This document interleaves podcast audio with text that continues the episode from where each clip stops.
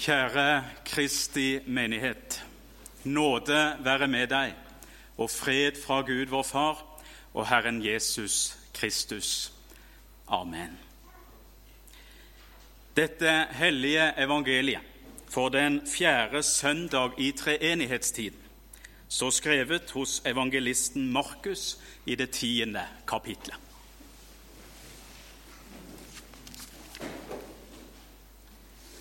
Da Jesus gikk ut på veien, kom en løpende og falt på kne for ham og spurte ham, Gode mester, hva skal jeg gjøre for å arve evig liv? Men Jesus sa til ham, Hvorfor kaller du meg god? Ingen er god uten én. Det er Gud. Budene kjenner du. Du skal ikke slå i hjel. Du skal ikke bryte ekteskapet. Du skal ikke stjele.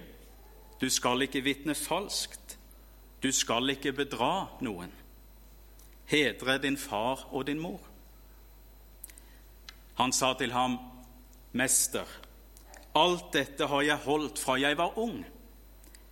Da så Jesus på ham og fikk ham kjær, og han sa til ham, Én ting mangler du. Gå bort og selg alt du eier, og gi det til de fattige. Så skal du få en skatt i himmelen.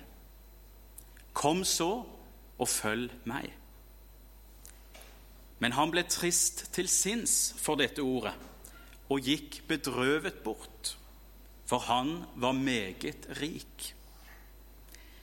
Jesus så seg omkring og sa til disiplene sine.: Hvor vanskelig det vil være for dem som har rikdommer, å komme inn i Guds rike.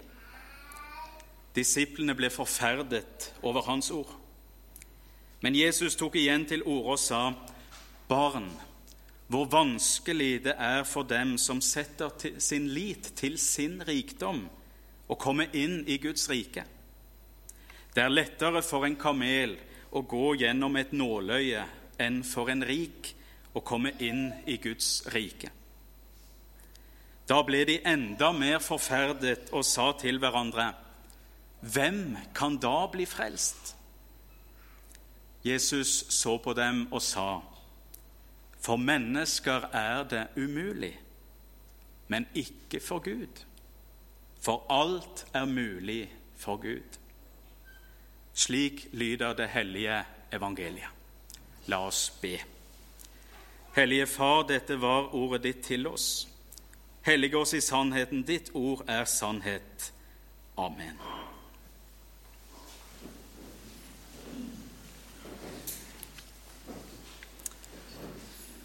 For et par uker siden så var jeg på deilig treretters middag hos Elsebeth og Jan sammen med Kjersti og Jon Tore.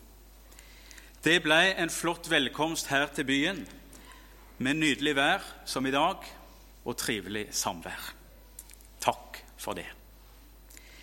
I løpet av kvelden så var vi òg innom denne innsettelsesgudstjenesten og hva som var evangelieteksten i dag. Og Jan han nevnte at det var den rike, unge mannen. Og Da var det en i forsamlingen som sa at det måtte jo passe godt. Nå vet ikke jeg helt hva innsikt dere har i mine bankkontoer. Men at det skulle være samme tittel på den rike unge mann og den nye unge prest som står her, det kan jeg nok avvise. Sikkert til eventuelle frieres frustrasjon opp igjennom. Men ikke minst så avslører mine dårlige kjøreferdigheter noe av grunnen til det, med verkstedregninger både her og der. Det har dere sikkert lest om i dagen, og det blir sikkert flere anledninger til det.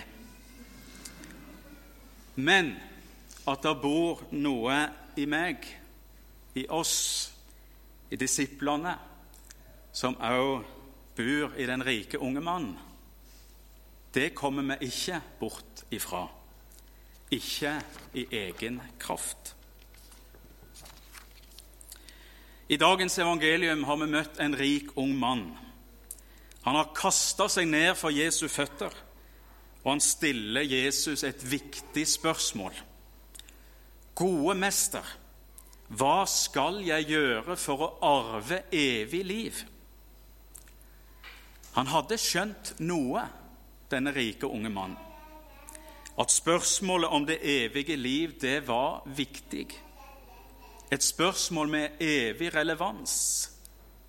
Et spørsmål som dypest sett er det viktigste og mest alvorlige spørsmålet som vi mennesker har å gjøre med. Hvordan kan jeg bli frelst? Det er tilsynelatende en from mann som kommer til Jesus og som søker svar.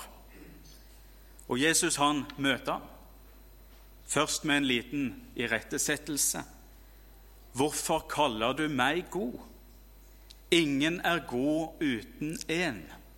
Det er Gud. En irettesettelse som samtidig sier at mannen på et vis hadde rett. Jesus er jo Gud, altså er han god. Men mannen skjønte nok ikke dette sjøl. Den tyske teologen og motstandsmannen Dietrich Bonhoeffer han skriver i sin bok 'Etterfølgelse' dette om den rike unge mann. Han ville bare snakke litt med en rabbi om det evige liv. Og så får han høre at dette spørsmålet i virkeligheten ikke stiller ham overfor en mester, men overfor Gud selv. Spørsmålet om det evige livet og hvordan vi får del i det, hvordan vi kan arve det, det stiller oss overfor Gud sjøl, den levende og hellige Gud. Og så kommer Jesus med loven til mannen. Guds lov og Guds bud. Jesus sier, 'Budene kjenner du. Du skal ikke slå i hjel. Du skal ikke bryte ekteskapet. Du skal ikke stjele. Du skal ikke vitne falskt. Du skal ikke bedra noen. Hedre din far og din mor.' Jesus lister opp de budene som har med vårt forhold til andre mennesker å gjøre. Og den unge mannen, han svarer, 'Mester, alt dette har jeg holdt fra jeg var ung.' Likevel så kommer han til Jesus. Han har tilsynelatende fått til alt og gjort som han skulle. Likevel er han ikke fornøyd. Likevel er det noe i han som kjenner på at noe mangler. Hva dette er, det vet vi ikke. Men vi får høre at Jesus får han kjær. Og Jesus han gir han kall. Én ting mangler du. Gå bort og selg alt du eier, og gi det til de fattige. Så skal du få en skatt i himmelen. Kom så og følg meg. Vi kjenner igjen disippelkallet i disse ordene. Legg av det som ligger bak, og følg meg. Og Det forventes nesten at han skulle gjøre det. Men det blir ikke noe happy ending denne gang. Mannen kommer ikke til Jesus og følger han. I stedet kan vi lese at han blir trist til sinns. Ordet Markus bruker her, betyr egentlig at han mørkna som skyene, eller ble i dårlig humør. Rullegardina gikk ned, og nå går han sjøl bedrøva bort. Og når mannen er gått bort, så ser Jesus på disiplene før han sier hvor vanskelig det er det vil være for dem som har rikdommer å komme inn i Guds rike. Og Disiplene ble både forskrekka og nervøse, mens Jesus fortsetter med det kjente bildet av kamelen og nålauget. Det er lettere for en kamel å gå gjennom et nåløye enn for en rik å komme inn i Guds rike. Og det er som om disiplene gir opp. Herre, hvem kan da bli frelst? Sier de forferda til hverandre. De kjenner nok seg sjøl igjen i den unge mannen. For hvem ønsker ikke rikdom? Eller som Bo Gjerts skriver i en kommentar til disiplenes reaksjon. De vet at de, som vi alle, ikke misliker penger. Det er nesten en jærsk underdrivelse. Ikke misliker penger. Pengene, rikdommen, mammon Det ligger enorm makt der. Penger kan gi oss makt, men penger kan òg ta makt over oss. Jesus sier i Lukas 16.: Ingen tjener kan tjene to herrer, for han vil enten hate den ene og elske den annen, eller han vil, elske, eller han vil holde seg til den ene og forakte den annen. Dere kan ikke tjene Gud og mammon. Den rike unge mannen han hadde kanskje holdt budene, men det første budet du skal ikke ha andre guder enn meg. Det holdt han ikke. Mammon var hans gud, og slik ville han òg at det skulle forbli. Mannen han var bundet av rikdommen sin, en rikdom som ikke kan frelse. Det er vanskelig å skulle oppgi en verden for å oppnå en annen. Denne verden er synlig, den annen usynlig. Denne verden har fordeler og gleder her og nå. Den usynlige kan koste forsakelse og offer. Det er alltid lettere å velge den bekvemme veien, veien utenom korset, the easy way out. Derfor blir det vanskelig for den som setter sin lit til egen rikdom å komme inn i Guds rike. Hvem kan da bli frelst, sier disiplene. De skjønner at Jesu ord til den rike òg gjelder deg, at det gjelder oss alle, at lista er sagt høyt. Bergpreiker forteller oss det samme. Guds krav er så store at ingen kan oppfylle dem. I møte med den levende og hellige Gud har vi ikke noe å stille opp med i oss sjøl. Verken av gode gjerninger eller av rikdom. Og Det kunne godt være at vi som den rike unge mannen kunne krysse av på lista over bud vi hadde fått til. Men i dypet av oss alle så ligger trangen etter å være Gud sjøl. Eller etter å finne en annen Gud som passer meg, som er spesialdesigna for nettopp meg. Tidsånden er et populært valg, men da blir man fort enkemann.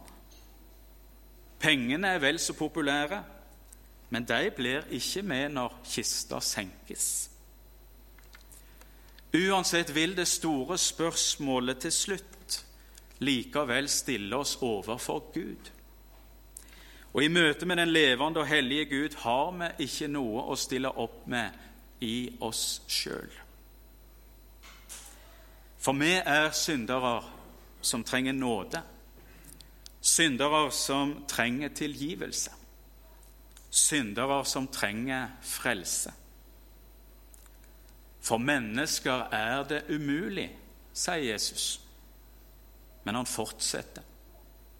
Men ikke for Gud for alt er mulig for Gud. I dagens evangelium har vi møtt en rik ung mann som kom til Jesus med et viktig spørsmål. Gode mester, hva skal jeg gjøre for å arve evig liv? Et spørsmål som Jesus har svart tydelig på i kjente ord fra Johannes evangeliet 3,16. For så har Gud elsket verden at han ga sin sønn den enbårne, for at hver den som tror på ham, ikke skal fortapes, men ha evig liv. Det er bare Jesus. Det er ikke rikdom, det er ikke makt.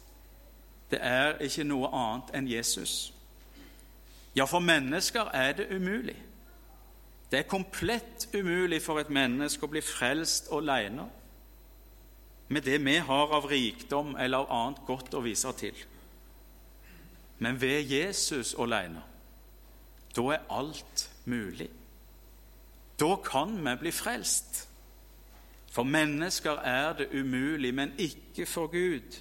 For alt er mulig for Gud. Bibelens Gud er en Gud som gjør det umulige mulig, slik han gang på gang har gjort i sitt ord. Slik Abraham ble møtt av det umulige da Sara ble med barn, gammel som hun var. Slik holdt Gud sitt løfte om at i Abraham skulle all jordens slekter velsignes. Slik Moses ble møtt av det umulige da havet åpna seg og israelsfolket gikk tørrskodd og frelst i land. Et forbilde på dåpen. Slik Maria ble møtt av det umulige da engelen forkynte at hun skulle føde Guds enbårne sønn til hele verdens frelse. Og så vet vi det, at òg rike mennesker kan bli frelst, og godt er det for oss i dette landet her. Les bare om Sakkeus. Og vi kunne nevne flere fortellinger om hvordan det umulige blir gjort mulig av Gud. For mennesker er det umulig, men ikke for Gud. For alt er mulig for Gud. Like før vår tekst så har Jesus satt fram barna og sagt de kjente orda La de små barna komme til meg og hindre dem ikke. For Guds rike hører slike til. Sannelig, jeg sier dere, den som ikke tar imot Guds rike slik som et lite barn, kan slett ikke komme inn i det. Dette hadde ikke den rike unge mannen skjønt. Men det var dette som gjaldt å bli som barn. Som et svar på hans spørsmål 'Hva skal jeg gjøre for å arve evig liv?' For barna, de er de hjelpeløse og avhengige. Og barna er de som blir arvinger. De som ikke sjøl har noe å vise til, de som verken har rikdom eller krefter, men som er helt avhengige av andre og som bare kan ta imot det som blir gitt. Og barna det er ofte òg de som har skjønt noe av at det umulige er ikke umulig. For mennesker er det umulig, men ikke for Gud, for alt er mulig for Gud. Barna, det er de som er arvinger innsatt av Gud sjøl. I Jesus har vi fått barnekår hos Gud. Vi er kjøpt fri fordi vår egen rikdom aldri vil strekke til. Gjerninger kan aldri føre til at en blir arving. Det blir man bare ved fødsel eller adopsjon. Det blir gitt oss utenfra. Paulus han skriver til galaterne da tidens fylde kom, utsendte Gud sin sønn, født av en kvinne, født under loven for at han skulle kjøpe fri dem som var under loven, så vi skulle få barnekår. Og fordi dere er sønner, har Gud sendt sin Sønns ånd inn i våre hjerter, som roper 'Abba, Far'. Så er du da ikke lenger trell, men sønn. Men er du sønn, da er du også arving, innsatt av Gud. Gud vil frelse. Gud vil frihet. Derfor sendte han sin egen sønn Jesus for at han skulle frelse oss fra synd og død, fra dom og djevel. Født på ny til et liv i frihet fra denne verdens slaveri og lenker, fra strev og fra rikdom. Til et liv som arvinger innsatt av Gud, arvinger til det evige livet. Derfor synger vi med Kingo i dag Far verden, farvel. Jeg vil ikke lenger være din trell. For vi er ikke lenger treller eller slaver, men barn, arvinger innsatt av Gud. For alt er mulig for Gud. Det fins bare én mulighet for å bli frelst, men den fins. Gud må gjøre det ingen av oss klarer, og det er alt gjort for oss ved Jesu Kristi verk på Golgata kors. All vår synd er betalt, gjelden sletta ut, vi er kjøpt fri så vi skulle få barnekår hos Gud og bli arvinger til det evige livet. Dette er alt gjort. Derfor lyder stadig invitasjonen fra Jesus sjøl, og til oss i dag. Kom, for alt er gjort ferdig. Det Jesus sier til oss i dag, det er sant. For mennesker er det umulig men ikke for Gud. For alt er mulig for Gud. Ære være Faderen og Sønnen og Den hellige ånd, som var, er og være skal, en sann Gud fra evighet og til evighet. Amen. Da skal vi synge salmen på nummer 497 4, ny 7. Da synger vi det første verset, og så hopper vi til det fjerde verset og synger resten av salmen. Det første verset, og så videre fra det fjerde og ut salmen.